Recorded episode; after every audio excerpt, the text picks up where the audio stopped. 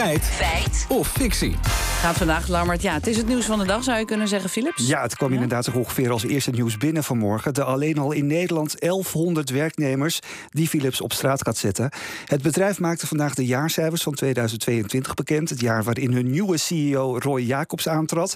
Geen lekker begin voor de nieuwe topman, zou je zeggen. Maar volgens de Volkskrant is het bijna traditie voor Philips... dat topmannen daar beginnen met diepe rode cijfers en drastische ontslagen. Nou, en dat ga jij dus uitzoeken of dat ook echt zo is. Zo'n traditie. Inderdaad, ja. We belden als eerste met journalist Marcel Metsen. Hij heeft twee boeken geschreven over Philips en vertelt dat er vaak een strategie achter die rode cijfers zit.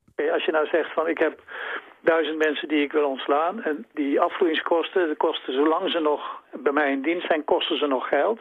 Dat geld zet ik opzij en dat is dus een reservering voor verlies. Hm? Dat betekent dus dat je dat niet meer hoeft mee te nemen in je cijfers van het, het komende jaar.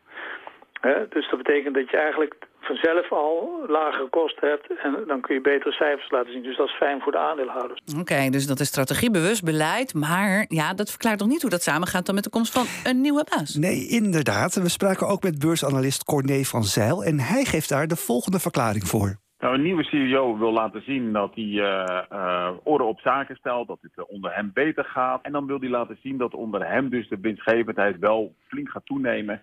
Ja, en de makkelijkste uh, manier is dan toch wel ontslagen. Uh, zodat het bedrijf wat efficiënter werkt en, uh, en, je minder kosten hebt, zodat de winst omhoog kan. Het klinkt allemaal alsof het wel een beetje meevalt met de paniek rondom het Philips nieuws van vanochtend. Ja, nou ja, voor die 1100 mensen is het natuurlijk ja. niet leuk. Maar volgens Van Zijl is er inderdaad niet heel veel reden tot paniek. Want hij zegt dat de cijfers reuze meevielen dit kwartaal was eigenlijk best wel een uh, oké okay kwartaal. Je zag ook dat de analisten best wel optimistisch waren. Je ziet ook dat de koers omhoog gaat. Maar Marcel Metsen is minder enthousiast. Hij zegt de ontslagen van de afgelopen decennia het bedrijf weinig hebben opgeleverd. De grote lijn is dat het bedrijf eigenlijk steeds verder is uh, uh, uitgekleed, opgesplitst, onderdelen verkocht kleiner geworden. Dus dit soort reorganisaties zijn geen oplossing voor de lange termijn. Oké, en daar zijn uh, de meningen uh, verdeeld dus. Ja. Uh, terug naar die traditie dan van rode cijfers en drastische ontslagen en een nieuwe chef. Hoe ging dat bij eerdere CEO's? Ja, nou sinds de jaren 90 is Philips eigenlijk al bezig met krimpen.